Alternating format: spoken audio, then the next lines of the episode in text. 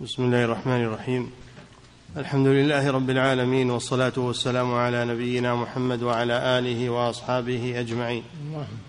أما بعد قال المؤلف رحمه الله تعالى ولما كان بالناس بل بالعالم كله من الضرورة إلى لا إله إلا الله ما لا نهاية له كانت من أكثر الأذكار وجودا وأيسرها حصولا وأعظمها معنى.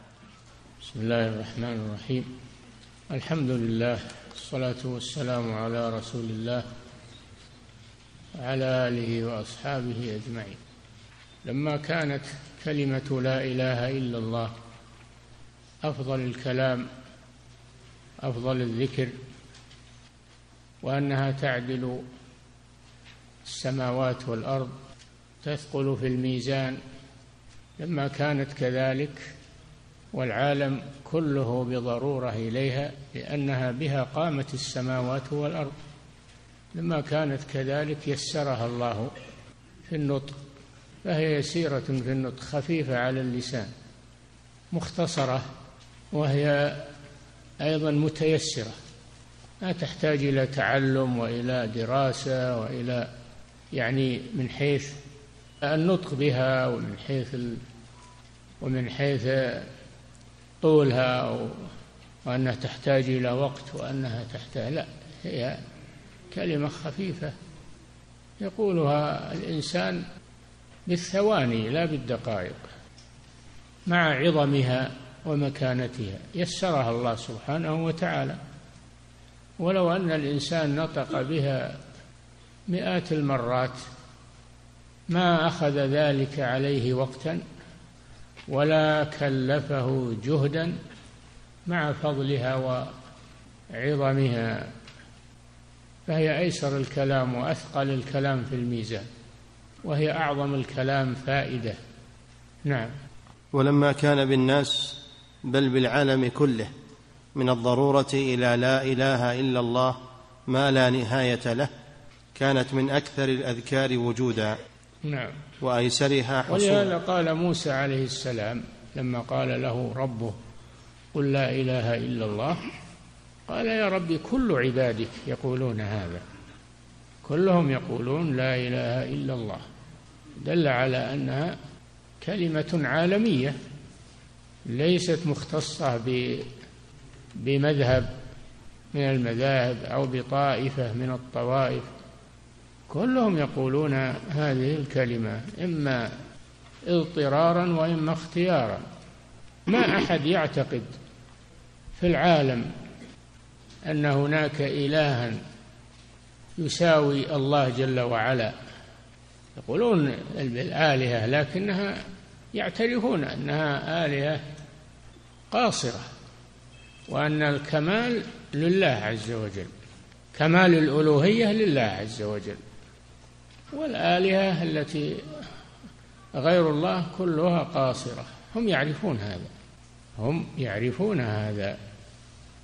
ولهذا يقول المشركون ما نعبدهم إلا ليقربونا إلى الله. أو يعرفون عظمة الله. وأنهم بحاجة إلى ما يقربهم إليه. ولم يعلموا أن ما يقربهم إليه هو طاعته وعبادته. وليس ما يقربهم إليه الوسائط من الخلق أو الشفعاء من الخلق. نعم. كانت من أكثر الأذكار وجودا وأيسرها حصولا وأعظمها معنى. نعم. أيسرها حصولا وأسهلها على اللسان. وأعظم الأذكار معنى فهي تتكون من نفي وإثبات. لا إله هذه تبطل جميع الآلهة غير الله سبحانه وتعالى. إلا الله تثبت الإلهية لله وحده. فأنت إذا قلتها أبطلت جميع المعبودات من دون الله وأثبتها لله ولم يكلفك ذلك شيئا من حيث الوقت ومن حيث النطق أنها تحتاج إلى إلى جهد وإلى مشقة. نعم. والعوام والجهال يعدلون عنها إلى الدعوات المبتدعة التي ليست في الكتاب ولا في السنة. العوام الذين هم الجهال والمبتدعة الذين يحدثون في الدين ما ليس منه وفي الأذكار ما ليس منها يذكرون الله بغيرها من أنواع الذكر المخترعة التي لا تفيدهم شيئا. فكيف يعدلون عن هذه الكلمة العظيمة الشريفة؟ ويذكرون الله بأذكار مبتدعة اخترعوها هم. نعم. هذا من الحرمان. نعم. قوله وعامرهن غيري هو بالنصب عطف على السماوات. لو أن السماوات اسم إنما منصوب وعلامة نصبه الكسرة نيابة عن الفتحة لأنه ملحق بجمع المؤنث السالم. وعامرهن معطوف على السماوات والسماوات منصوبة وعامرهن معطوف عليه والمعطوف على المنصوب منصوب ولكن ظهرت عليه الفتحة. نعم. وعامرهن غيري هو بالنصب عطف على السماوات أي لو أن السماوات السبع ومن فيهن من العمار غير الله تعالى. أدل هذا على أن الله في السماء فهو استثنى نفسه من عامرهن عامر السماء. دل على أنه في السماء سبحانه في العلو ليس في السماء المبنية. وإنما هو في السماء بمعنى العلو. انتبهوا لهذا. السماء لا تقله سبحانه ولا تظله وإنما معنى في السماء أي أنه في العلو. نعم. أي لو أن السماوات السبع ومن فيهن من العمار غير الله تعالى والأراضين السبع ومن فيهن ودل هذا على أن الأراضين سبع مثل ما أن السماوات سبع. كما قال تعالى الله الذي خلق سبع سماوات ومن الأرض مثلهن. يعني سبع. وفي الحديث من اغتصب شبرا من الأرض طوقه يوم القيامة من سبع أراضين. هذا دليل على أن الأراضين سبع. وكل أرض لها سكان. نعم. لو أن السماوات السبع ومن فيهن من العمار غير الله تعالى والأراضين السبع ومن فيهن وضعوا في كفة الميزان ولا إله إلا الله في الكفة الأخرى مالت بهن لا إله إلا الله. لأنها كلمة حق كلمة توحيد كلمة صدق وإخلاص. فلذلك تثقل بهذه المخلوقات العظيمة الثقيلة. نعم. وروى الإمام أحمد عن عبد الله بن عمرو عن النبي صلى الله عليه وسلم أن نوحا عليه السلام قال لابنه عند موته آمرك بلا إله إلا الله فإن السماوات السبع والأراضين السبع لو وضعت في كفة ولا اله الا الله في كفه رجحت بهن لا اله الا الله ولو ان السماوات السبع والارضين السبع كن حلقه مبهمه قصمتهن لا اله الا الله. هذا نوح عليه السلام أول الرسل حينما حضرته الوفاة. قال لابنه لابنه المؤمن غير ابنه الكافر الذي أبى أن يركب معه. هذاك غرق مع الكفار والعياذ بالله. حال بينهما الموج فكان من المغرقين. فهلك مع الكفار. أما هذا فهو ابنه المؤمن الصالح. أوصاه بذلك بلا إله إلا الله وذكر له ما في هذا الحديث. لو أن السماوات السبع والأراضين السبع في كفة ولا إله إلا الله في كفة مالت بهن. لا إله إلا الله. نعم. يتوارد الحديثان بمعنى واحد. نعم. ولو أن السماوات السبع والأرضين السبع كنا حلقة مبهمة قصمتهن لا إله إلا الله. أعد الحديث من أصل. وروى الإمام أحمد عن عبد الله بن عمرو عن النبي صلى الله عليه وسلم أن نوحا عليه السلام قال لابنه عند موته آمرك بلا إله إلا الله. يوصي ابنه بهذه الكلمة. نعم. آمرك بلا إله إلا الله فإن السماوات السبع والارضين السبع لو وضعت في كفة ولا إله إلا الله في كفة رجحت بهن لا إله إلا الله. وهذا كما في حديث موسى عليه السلام الذي مر بنا قريبا ثم فيه جملة أخرى. نعم. ولو أن السماوات السبع والارضين السبع كن حلقة مبهمة. قصمتهن لا حلقة مبهمة يعني صلبة. حلقة صلبة مبهمة. قسمتها لا إله إلا الله لقوة لا إله إلا الله. نعم. ولو أن السماوات السبع والأراضين السبع كن حلقة مبهمة. ولذلك تحرق. لا إله إلا الله تحرق الذنوب تحرق الشرك تحرق الذنوب. تقسمها نعم. ولو أن السماوات السبع والأراضين السبع كن حلقة مبهمة قصمتهن لا إله إلا الله. لقوة معناها. نعم. قوله في كفة هو بكسر الكاف وتشديد الفاء أي كفة الميزان. نعم كفة الميزان الذي توزن به الأشياء. نعم. قوله مالت بهن أي رجحت وذلك لما اشتملت عليه. من نفي الشرك وتوحيد الله الذي هو أفضل الأعمال وأساس الملة والدين. فمن قالها بإخلاص ويقين وعمل بمقتضاها ولوازمها وحقوقها واستقام على ذلك فهذه الحسنة لا يوازنها شيء. حسنة التوحيد لا يوازنها شيء. لا يوازنها شيء. من الأعمال الأخرى. هي أثقل شيء من الأعمال. نعم. فمن قالها بإخلاص ويقين وعمل بمقتضاها ولوازمها وحقوقها واستقام على ذلك فهذه الحسنة لا يوازنها شيء. كما قال الله تعالى إن الذين قالوا ربنا الله ثم استقاموا فلا خوف عليهم ولا هم يحزنون. إن الذين قالوا ربنا الله يعني ليس لنا رب سواه والمراد بالرب هنا الإله.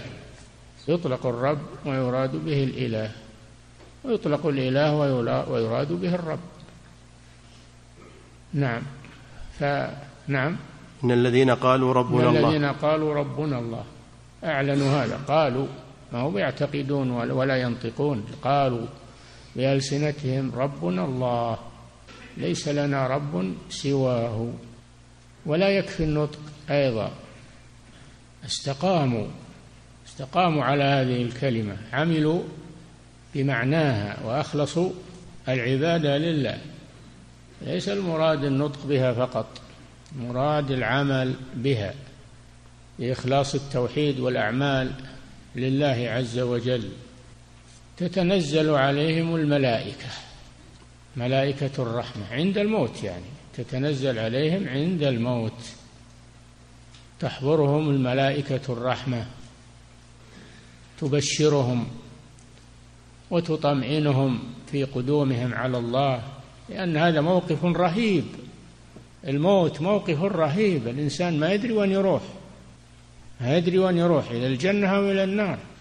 فهو موقف رهيب. أيضا يشاهد أشياء ما اعتادها يشاهد أشياء ويرى أشياء ما نراها حنا ما نراها نحن لأنه انتقل إلى دار أخرى من عالم الغيب الذي لا يعلمه إلا الله. فالموقف صعب جدا موقف الموت. تأتيهم الملائكة في هذه الحالة تطمئنهم وتبشرهم. حتى يفرحوا ويطمئنوا ويفرحوا بلقاء الله سبحانه وتعالى.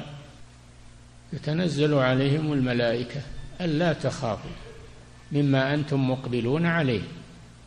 ولا تحزنوا على ما تركتم في الدنيا.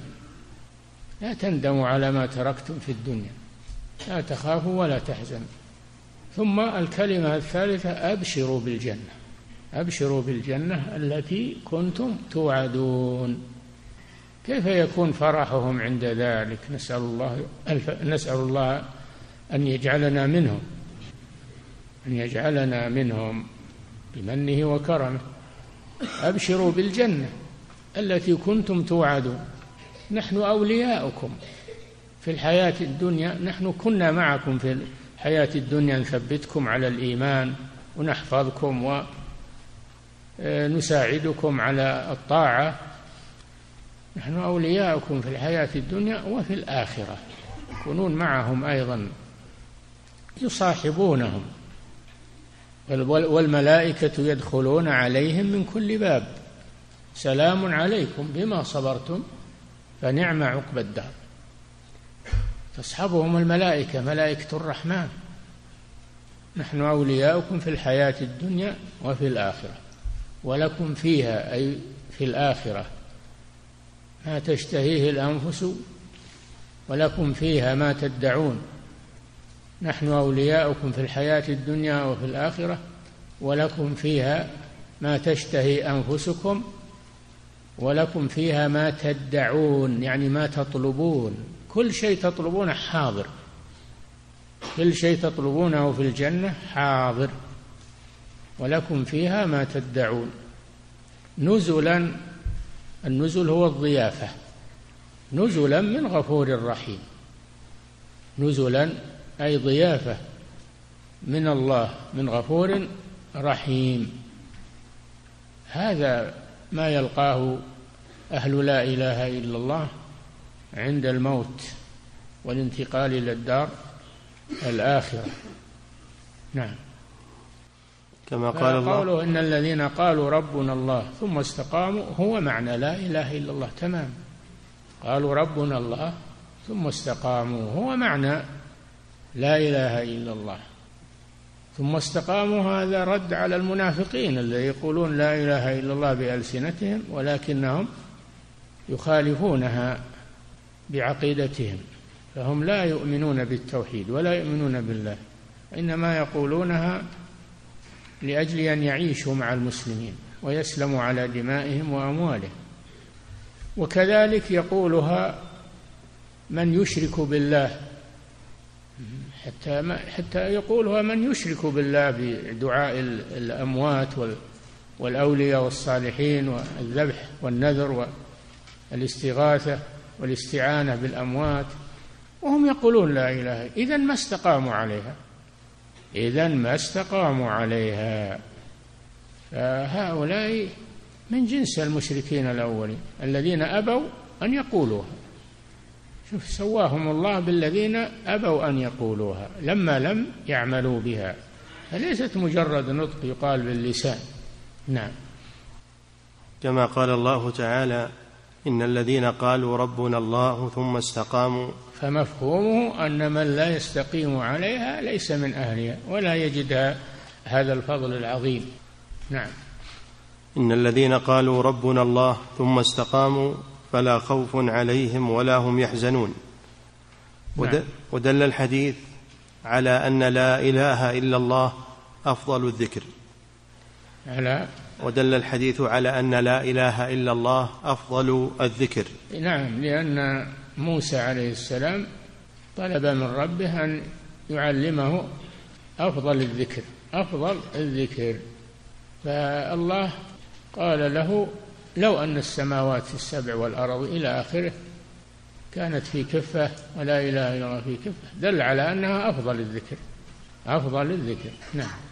ودل الحديث على أن الحديث الآخر خير الدعاء دعاء عرفة وخير ما قلت أنا والنبيون من قبل لا إله إلا الله له لا شريك له له الملك وله الحمد وهو على كل شيء قدير. نعم. ودل الحديث على أن لا إله إلا الله أفضل الذكر لأن الله علمها موسى. لما قال علمني شيئا أذكرك وأدعوك به علمه هذه الكلمة. فدل على أنها أفضل الذكر. نعم. على أن لا إله إلا الله أفضل الذكر كحديث عبد الله بن عمرو مرفوعا خير الدعاء دعاء يوم عرفة. نعم. وخير ما قلت أنا والنبيون من قبلي لا إله إلا الله وحده لا شريك له له الملك وله الحمد وهو على كل شيء قدير. رواه أحمد والترمذي. خير ما قاله رسول الله محمد صلى الله عليه وسلم وخير ما قاله النبيون من قبله. هذه الكلمة لا إله إلا الله وحده لا شريك له له الملك وله الحمد وهو على كل شيء قدير. نعم. فهي خير الكلام. نعم. وعنه أيضا مرفوعا يصاح برجل من أمتي. هذا حديث البطاقة. نعم. وعنه أيضا مرفوعا يصاح برجل من أمتي على رؤوس الخلائق يوم القيامة فينشر له تسعة وتسعون سجلا. يصاح به يعني ينادى يوم القيامة على رؤوس الخلائق ينادى يا فلان ابن فلان. نعم. يصاح برجل من أمتي على رؤوس الخلائق يوم القيامة فينشر له تسعة وتسعون سجلا. أي دفترا. السجل هو الدفتر. نعم. كل سجل منها مد البصر. نعم. ثم يقال ما هو بدفتر تحطه مخباتك. كل سجل مد البصر. مد البصر البصر وين يدري؟ يصل إلى السماء. تشوف تشوف النجوم بالبصر مد البصر بعيد. نعم. ثم يقال أتنكر من هذا شيئا؟ فيقول لا يا رب. فيقال ألك عذر أو حسنة؟ فيهاب الرجل فيقول لا فيقال بلى إن لك عندنا حسنة وإنه لا ظلم عليك. فيخرج له بطاقة فيها أشهد أن لا إله إلا الله وأشهد أن محمدا عبده ورسوله. فيقول يا رب ما هذه البطاقة مع هذه السجلات؟ بطاقة صغيرة وهذه سجلات تسعة وتسعين كل سجل مد البصر هذه بطاقة صغيرة وش تسوي؟ نعم. فيقال إنك لا تظلم فتوضع السجلات في كفة والبطاقة في كفة فطاشت السجلات وثقلت البطاقة. نعم لأنه قالها نطق بها عارفا لمعناها عاملا بمقتضاها معتقدا لها مات عليها على التوحيد فهذا مصيره يوم القيامة. نعم. فطاشت السجلات وثقلت البطاقة. رواه الترمذي وحسنه والنسائي وابن حبان والحاكم وقال صحيح على شرط مسلم وقال الذهبي في تلخيصه صحيح. نعم. قال ابن القيم رحمه الله فالأعمال لا تتفاضل بصورها وعددها وإنما تتفاضل بتفاضل ما في القلوب فتكون صورة العملين واحدة وبينهما من التفاضل كما بين السماء والأرض. بحسب ما في القلوب نعم. من اليقين والصدق والعلم نعم. فتكون صورة العملين واحدة وبينهما من التفاضل كما بين السماء والأرض. قال ليس في هذا الحديث متمسك للمرجئه الذين يقولون ليست الأعمال من الإيمان ولو أن الإنسان ما يعمل إذا قال لا إله إلا الله هذا الحديث يدل على أنه في الجنة وأنه يا أخي ما يؤخذ بحديث واحد وتترك الأحاديث الأخرى يجمع بين الأحاديث يجمع بين الأحاديث ما يؤخذ حديث ويترك هذا يتمسك بالمتشابه ما المتشابه ما يعمل به لوحده وإنما يرجع إلى الأدلة الأخرى. ويجمع بين دلت الأدلة الأخرى على أنه لا يكفي النطق بها بل لا بد من العمل والاستقامة. قالوا ربنا الله ثم استقاموا. نعم. قال ابن القيم رحمه الله فالأعمال لا تتفاضل بصورها وعددها. قد مر بنا من قالها من قال لا إله إلا الله من قال لا إله إلا الله وكفر بما يعبد وهذا سيأتي وكفر بما يعبد من دون الله. أما من يقولها وهو لا يكفر بما يعبد من دونه يقول كله سواء الناس أحرار وكل له عقيدته. ولا يقول هم على صواب. هذه قناعتهم. يقول بعضهم الآن كذا. وهذا أبطل من مذهب المرجئة. هذا أعوذ بالله إلحاد هذا. هذا إلحاد. لا بد من الاستقامة والإخلاص. نعم. قال ابن القيم رحمه الله فالأعمال لا تتفاضل بصورها وعددها وإنما تتفاضل بتفاضل ما في القلوب فتكون صورة العملين واحدة وبينهما من التفاضل كما بين السماء والأرض. ولهذا قال الحسن البصري رحمه الله ما سبقهم أبو بكر بصلاة ولا صيام ولكنه شيء وقر في قلبه. اليقين اللي في قلب أبي بكر ما وصل إليه أحد من الصحابة. نعم. قال وتأمل حديث البطاقة التي توضع في كفة ويقابلها تسعة وتسعون سجلا كل سجل منها مد البصر فتثقل البطاقة وتطيش السجلات فلا يعذب. ومعلوم أن كل موحد له هذه البطاقة وكثير منهم يدخل النار بذنوبه. إيه لأنه ما حقق معناها. كثير ممن يقول له بطاقة لكنه يدخل النار لأنه لم يحقق لا إله إلا الله. نعم. قوله رواه ابن حبان والحاكم. ابن حبان اسمه محمد ابن حبان بكسر المهملة وتشديد الموحدة. ابن أحمد ابن حبان ابن معاذ. أبو حاتم التميمي البستي الحافظ. صاحب التصانيف كالصحيح والتاريخ والضعفاء والثقات وغير ذلك. إمام من أئمة الحديث الكبار. نعم.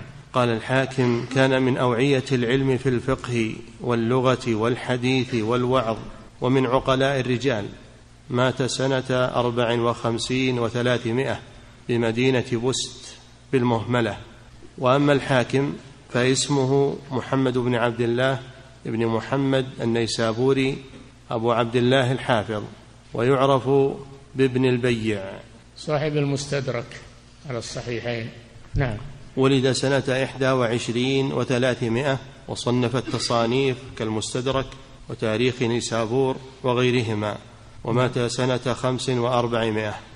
قال المصنف رحمه الله تعالى وللترمذي وحسنه عن أنس. انتهى من حديث من حديث أبي سعيد في طلب موسى من ربه أن يعلمه دعاء وذكرا يذكره به. نعم. قال المصنف رحمه الله تعالى وللترمذي وحسنه عن أنس رضي الله عنه. سمعت رسول الله صلى الله عليه وسلم يقول قال الله تعالى يا ابن آدم إنك لو أتيتني بقراب الأرض خطايا ثم لقيتني لا تشرك بي شيئا لأتيتك بقرابها مغفرة. لو أتيتني هذا جزء من حديث أطول من هذا لكن المصنف أخذ محل الشاهد.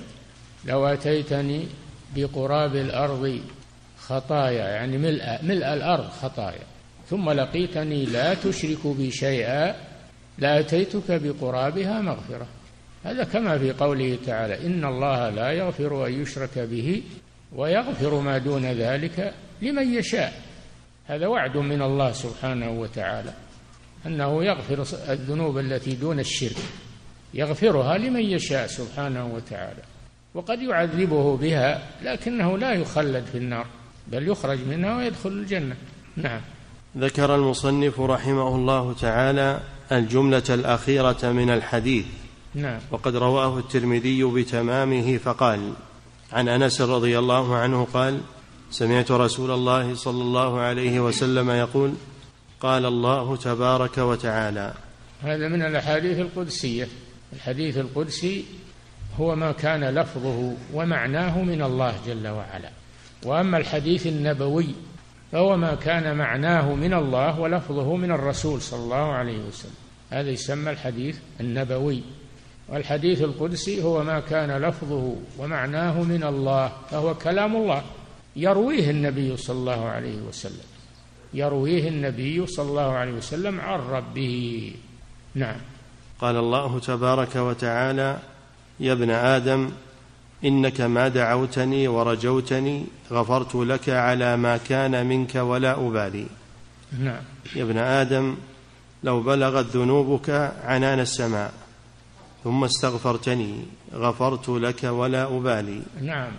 الذنوب مهما عظمت إذا استغفر العبد ربه فإن الله يغفرها جميعا. قل يا عبادي الذين أسرفوا على أنفسهم لا تقنطوا من رحمة الله.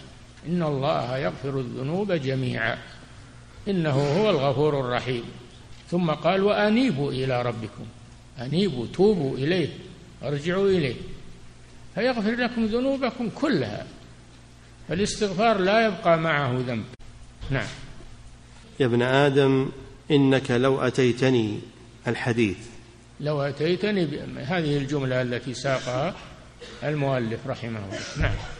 الترمذي اسمه محمد بن عيسى ابن سورة بفتح المهملة ابن موسى ابن الضحاك السلمي أبو عيسى صاحب الجامع وأحد الحفاظ.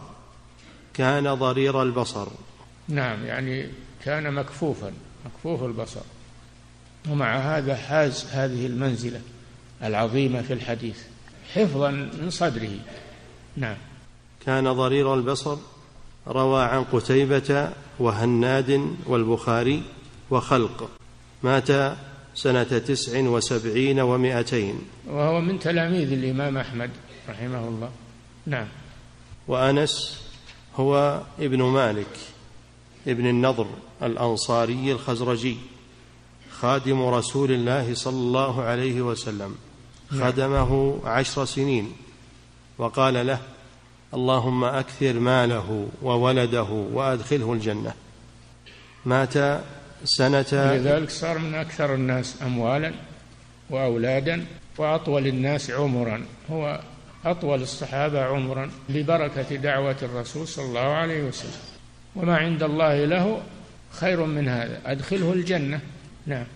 مات سنة اثنتين وقيل ثلاث وتسعين وقد جاوز المئة. والحديث قد رواه الإمام أحمد من حديث أبي ذر بمعناه وأبوه أبوه مالك. هذا والعياذ بالله نفر. لما قدم النبي صلى الله عليه وسلم المدينة نفر إلى الشام. ومات بالشام كافرا مشركا. نعم. والحديث قد رواه الإمام أحمد من حديث أبي ذر بمعناه وهذا لفظه ومن عمل قراب الأرض خطيئة ثم لقيني لا يشرك بي شيئا جعلت له مثلها مغفرة. والحديث؟ والحديث قد رواه الإمام أحمد من حديث أبي ذر بمعناه وهذا لفظه ومن عمل قراب الأرض خطيئة. هذا لفظ رواية أحمد نعم. وهذا لفظه ومن عمل قراب الأرض خطيئة ثم لقيني لا يشرك بي شيئا. جعلت له مثلها مغفرة. نعم. ورواه مسلم وأخرجه الطبراني من حديث ابن عباس عن النبي صلى الله عليه وسلم.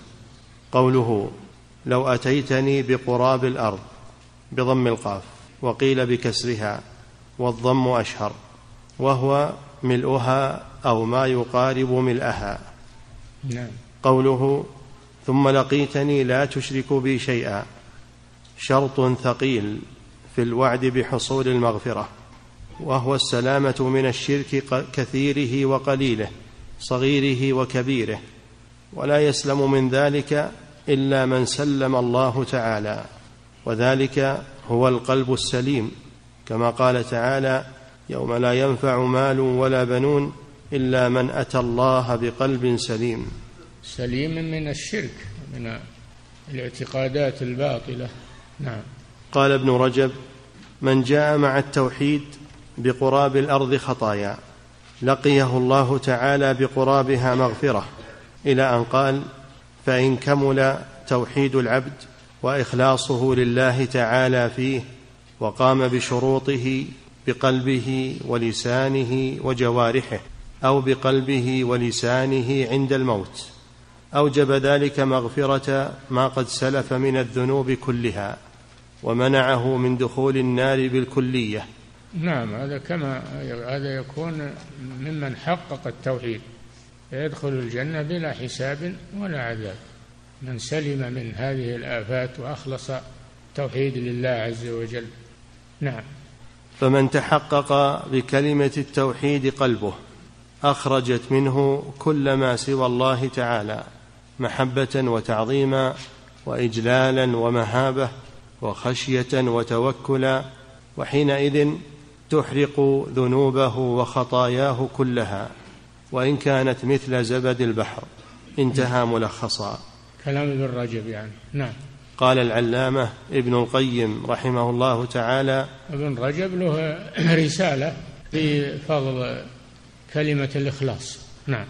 قال العلامة ابن القيم رحمه الله تعالى في معنى الحديث ويعفى لأهل التوحيد المحض الذي لم يشوبه بالشرك. لم الذي لم يشوبوه بالشرك. نعم.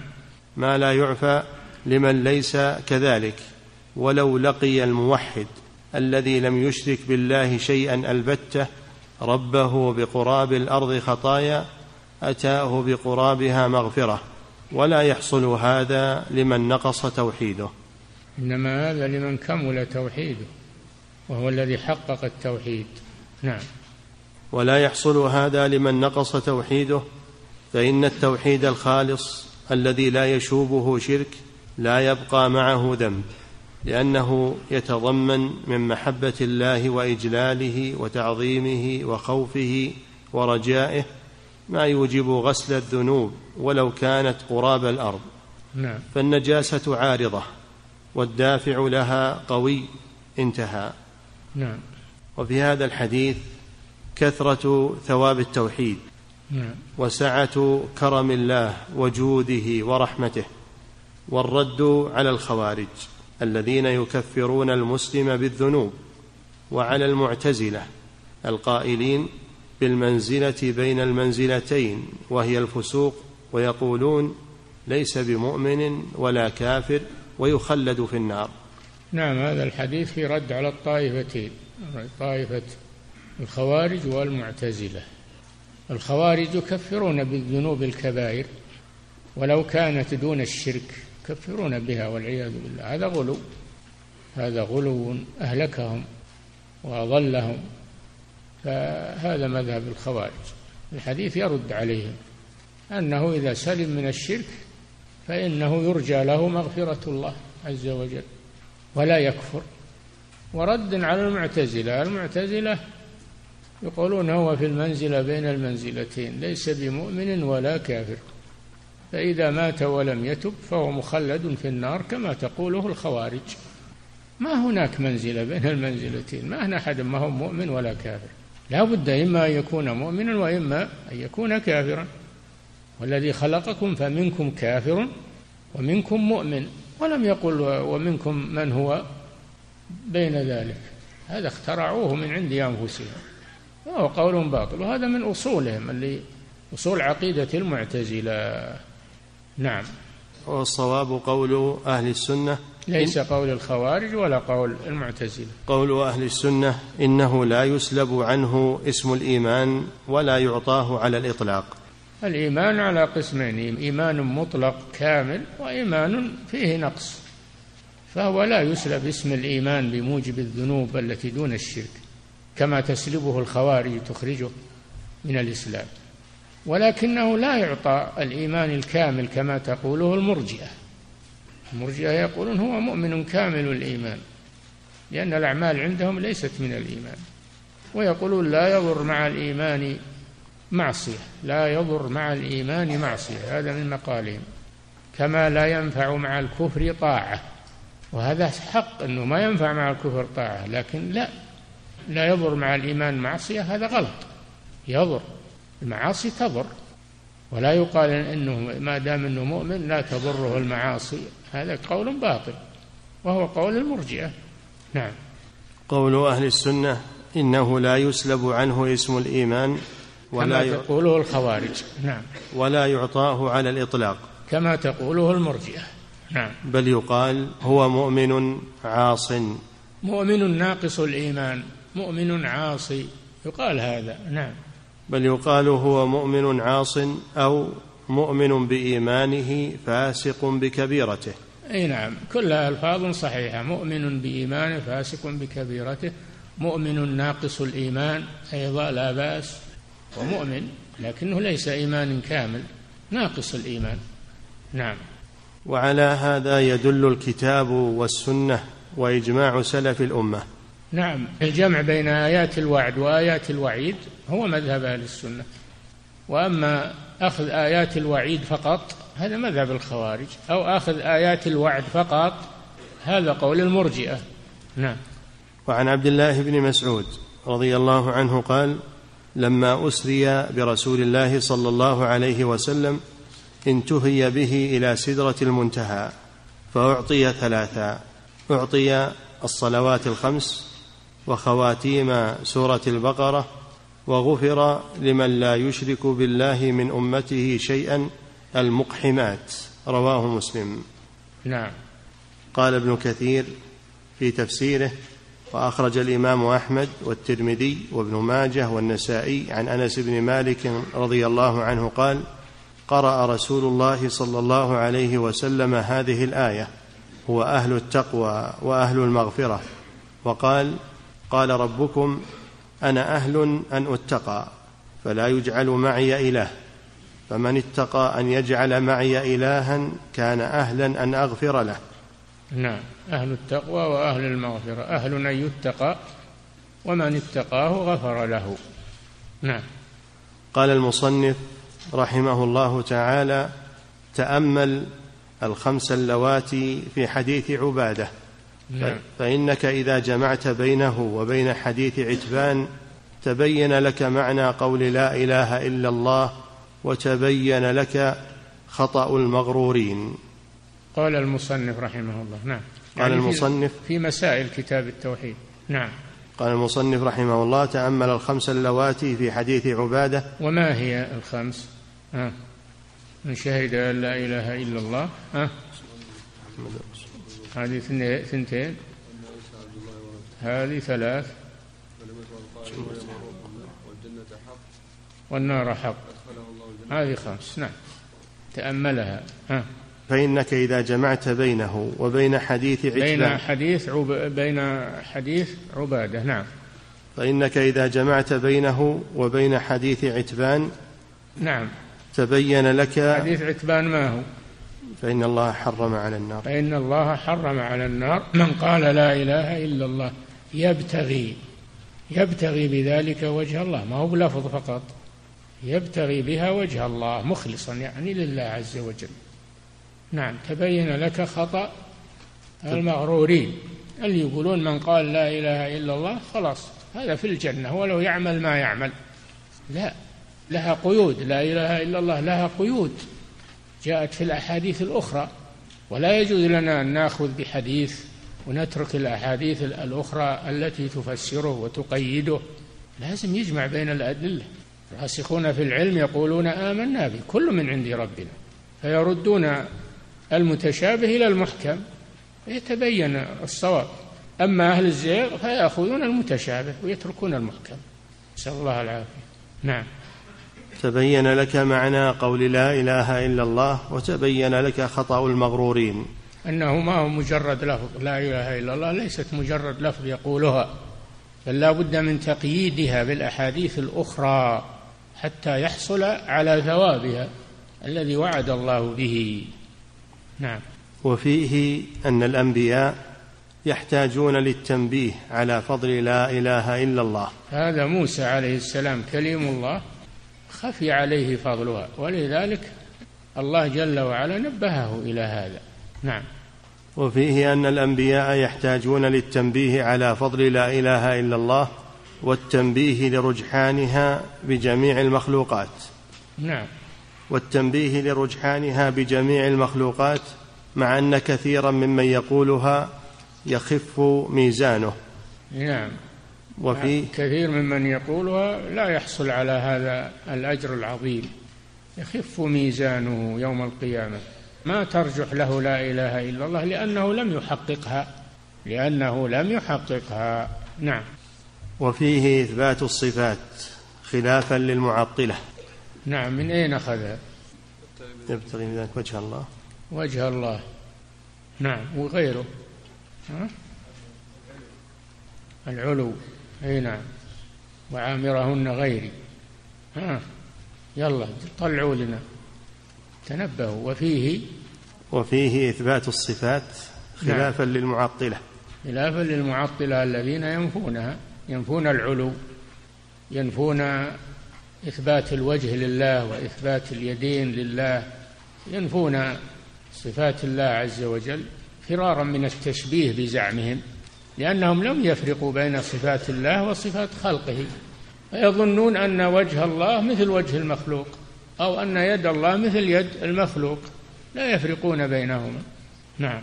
وفيه إثبات الصفات خلافا للمعطلة وفيه أنك إذا عرفت حديث أنس عرفت أن قوله في حديث عتبان إن الله حرم على النار من قال لا إله إلا الله يبتغي بذلك وجه الله أنه ترك الشرك ليس قولها باللسان انتهى.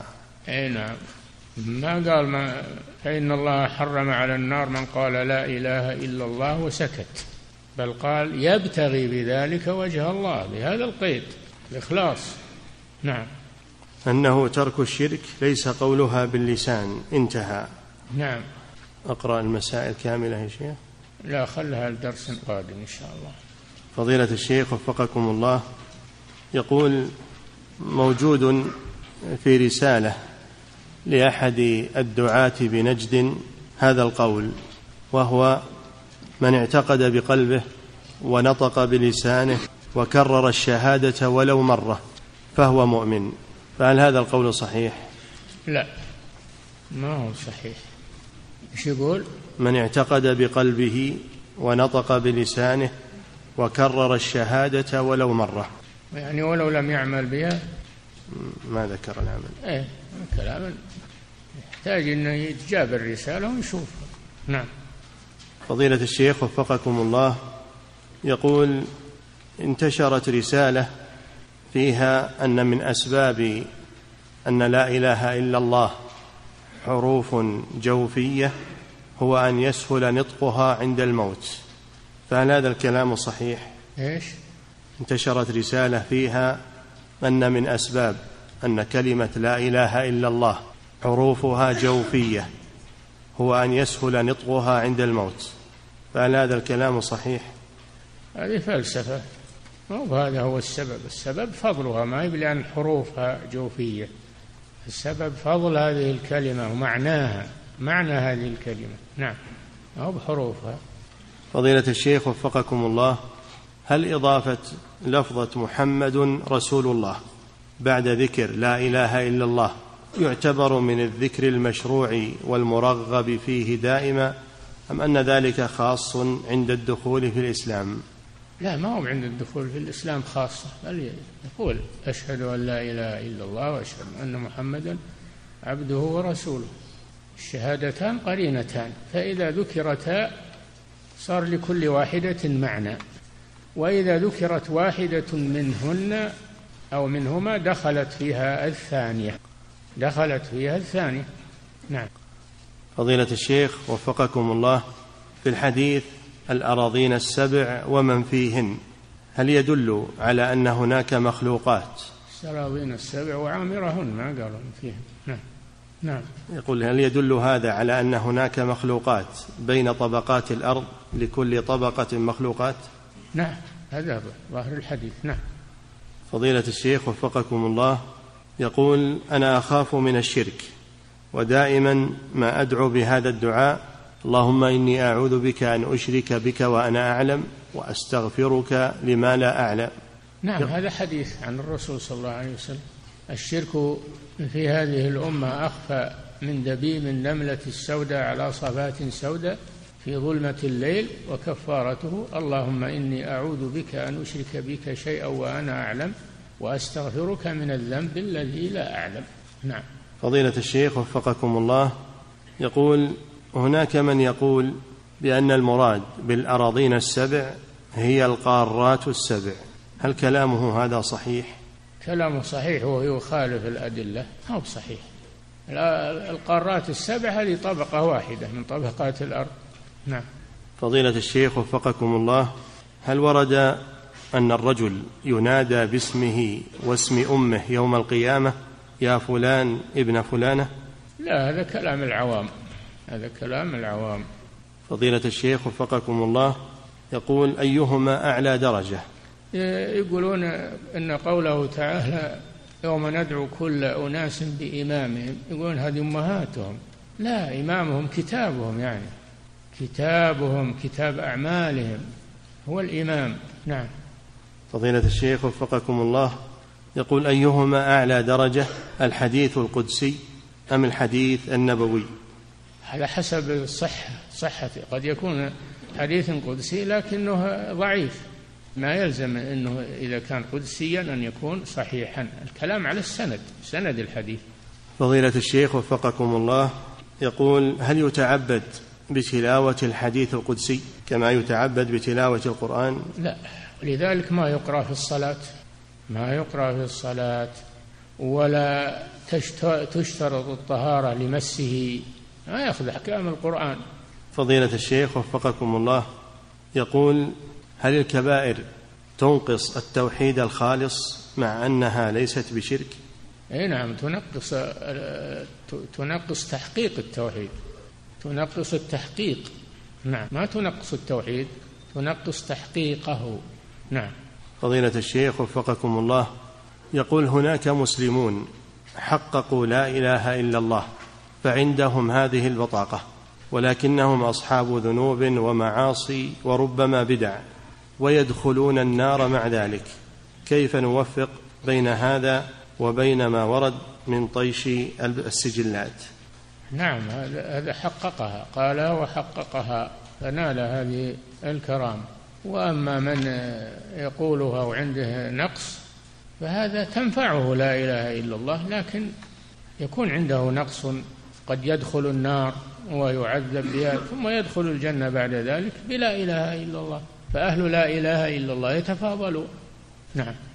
فضيلة الشيخ وفقكم الله يقول هل التسعة وتسعين سجلا التي وردت في حديث البطاقة كلها سجلات خطايا أم سجلات أعمال العبد الخطايا والحسنات؟ لا الذي في الحديث أن كلها خطايا. فضيلة الشيخ وفقكم الله يقول السائل أشكل عندي كلام ابن القيم رحمه الله حينما قال فإن التوحيد الخالص الذي لا يشوبه شرك لا يبقى معه ذنب وبينما ورد في صاحب السجلات. صاحب السجلات إما أنه مات على هذه الكلمة ولم يتمكن من العمل نطق بها خالصا من قلبه ولم يتمكن من العمل أو قتل ولم يتمكن من العمل أو أنه تقيد حديث البطاقة يقيد بالأحاديث الأخرى. فضيلة الشيخ وفقكم. أنا قلنا لكم كم مرة ما يؤخذ بالحديث المتشابه ويترك المحكم يرد المتشابه إلى المحكم فيفسره. نعم.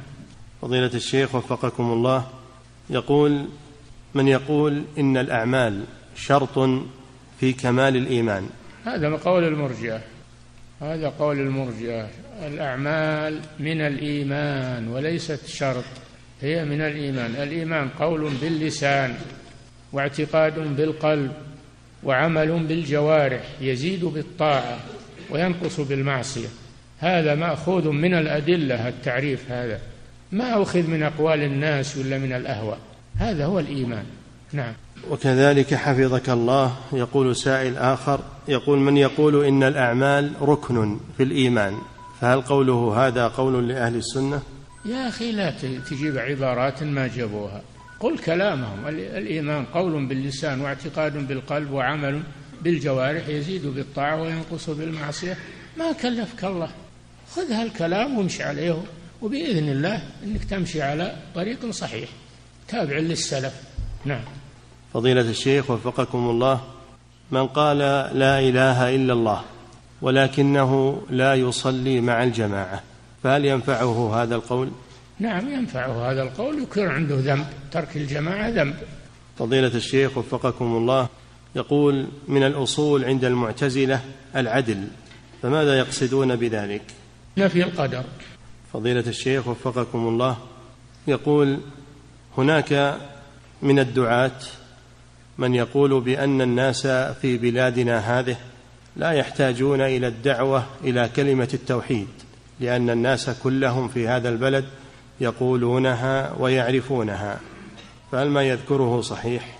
شدريك أنهم يعرفونها كلهم ما يعرفونها قد يقولونها وهم يجهلون معناها فلا بد يبين لهم.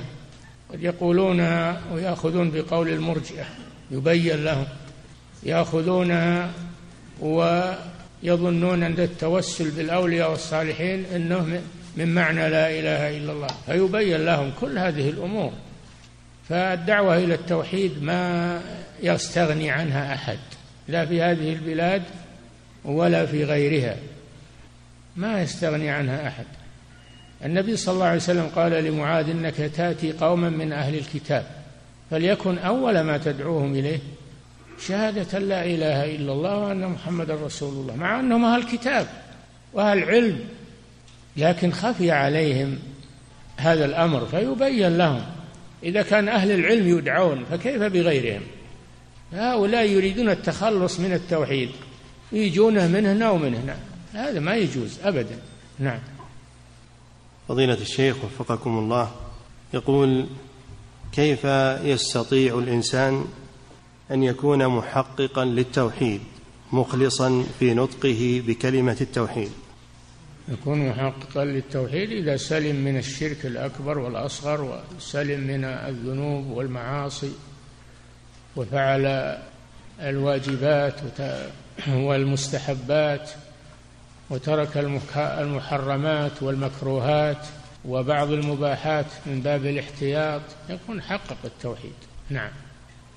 فضيلة الشيخ وفقكم الله ورد في الحديث إذا لقيتني بقراب الأرض خطايا ثم لقيتني لا تشرك بي شيئا. هل يدخل في هذا الشرك الأصغر؟ لا تشرك بي شيئا نعم يدخل فيه يدخل في الشرك لكنه ما هو مثل الأكبر يكفر ولا هو مثل الأكبر يخلد في النار ولا. فضيلة الشيخ وفقكم الله هذا سائل من خارج هذه البلاد يقول إن والدي ذكر أن الصوفية لم يخرجوا من الإسلام بل هم مسلمون لا محالة وتصوفهم لله وفي الله. سؤاله ما معنى الصوفية وما حكمهم؟ الصوفية في الأصل هي الاجتهاد في العبادة. الاجتهاد في العبادة هذا أصلها. ولكنها زادت بعد ذلك ووصلت إلى الإلحاد. وصلت إلى الإلحاد وصلت إلى الشرك وصلت إلى لأن أصل البدعة ما في خير أصل البدعة ما في خير. فلما كان أصل التصوف مبتدعا أنتج هذه الأشياء. ليس المتصوفة على حد سواء. ما قلنا أن كل المتصوفة كفار لا. لكن نقول أن التصوف أصله مبتدع. والابتداع يتطور لأن الابتداع من الشيطان يدعو إليه فيطورهم شيئا فشيئا. هذا الذي حصل للصوفية. متقدموهم عباد مثل بشر الحافي والفضيل بن عياض هذول عباد مشهورون. وإن كان يعني اجتهادهم في العبادة والتقشف لا يوافقون عليه. والأصل أن الإنسان يكون على السنة معتدل على السنة. فهم مع خوفهم ومع عبادتهم هم هم سلموا من هذه الأشياء لكن اللي جاء بعدهم لأن البدعة تتطور. الله جل وعلا يقول ولا تتبعوا خطوات الشيطان الشيطان يخطو ببني آدم شيئا فشيئا. شو سوى بقوم نوح؟ جاءهم ولما رآهم يبكون على الصالحين والعلماء الذين ماتوا قال لهم صوروا صورهم من أجل أن تنشطوا على العبادة إذا رأيتم صورهم. علقوها من أجل أن تنشطوا على العبادة. طيب صوروها وعلقوها. لكن هذا الجيل فيه علماء. ما تمكن الشيطان من نقلهم إلى الشرك لأن فيهم علماء. لكن فعلوا شيئا غير مشروع وهو تعليق الصور. والشيطان له مقصد. ما هو مقصده هالجيل؟ مقصده هالجيل اللي يأتون. أسس البدعة فلما مات العلماء ومات هذا الجيل جاء إلى المتأخرين وقال إن آباءكم ما نصبوا هذه الصور إلا ليعبدوها وبها كانوا يسقون المطر فعبدوها من دون الله فأشركوا بالله. أول شرك حدث في الأرض هو هذا. نعم. فضيلة الشيخ وفقكم الله يقول السائل أمي تمنعني عن الذهاب إلى الصلاة على الجنائز وتقول لا تذهب إلى المسجد الذي يصلى فيه على الجنائز واجلس. وقولها هذا من دون سبب فهل يلزمني أن أطيعها في ذلك؟ لا. قل له ما رحت. قل ما رحت. ألا تدري عنك؟ رح, رح وصل على الجنائز لتحصل على الأجر إن شاء الله. ولكن لا تزعلها وتقول أبى أروح لا تقول كذا. قل إن شاء الله إن شاء الله. وروح واعمل الخير لا تخبرها بذلك نعم.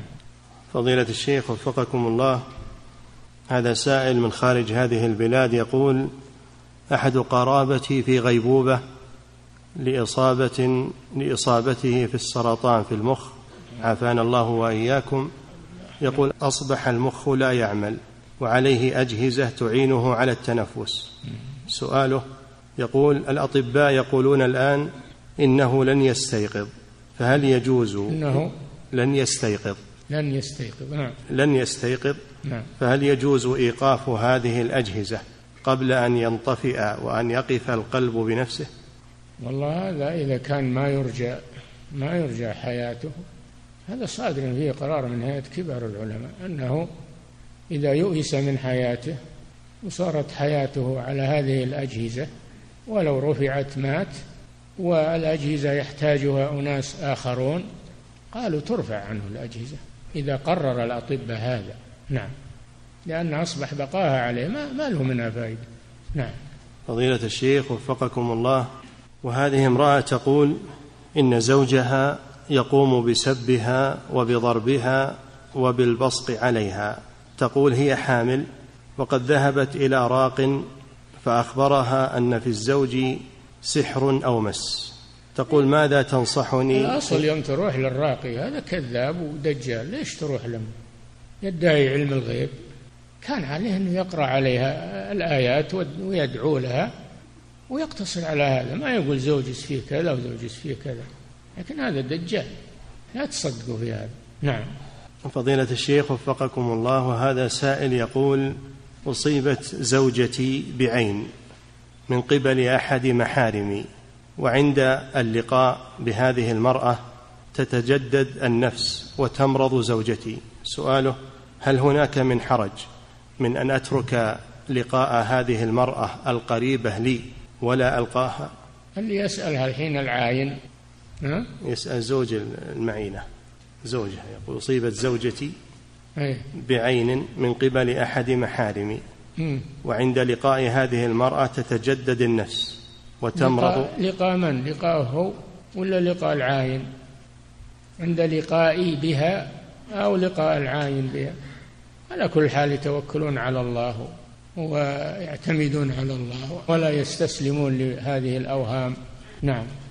فضيلة الشيخ وفقكم الله يقول هل يجوز للرجل أن يحلق شعر ساقيه؟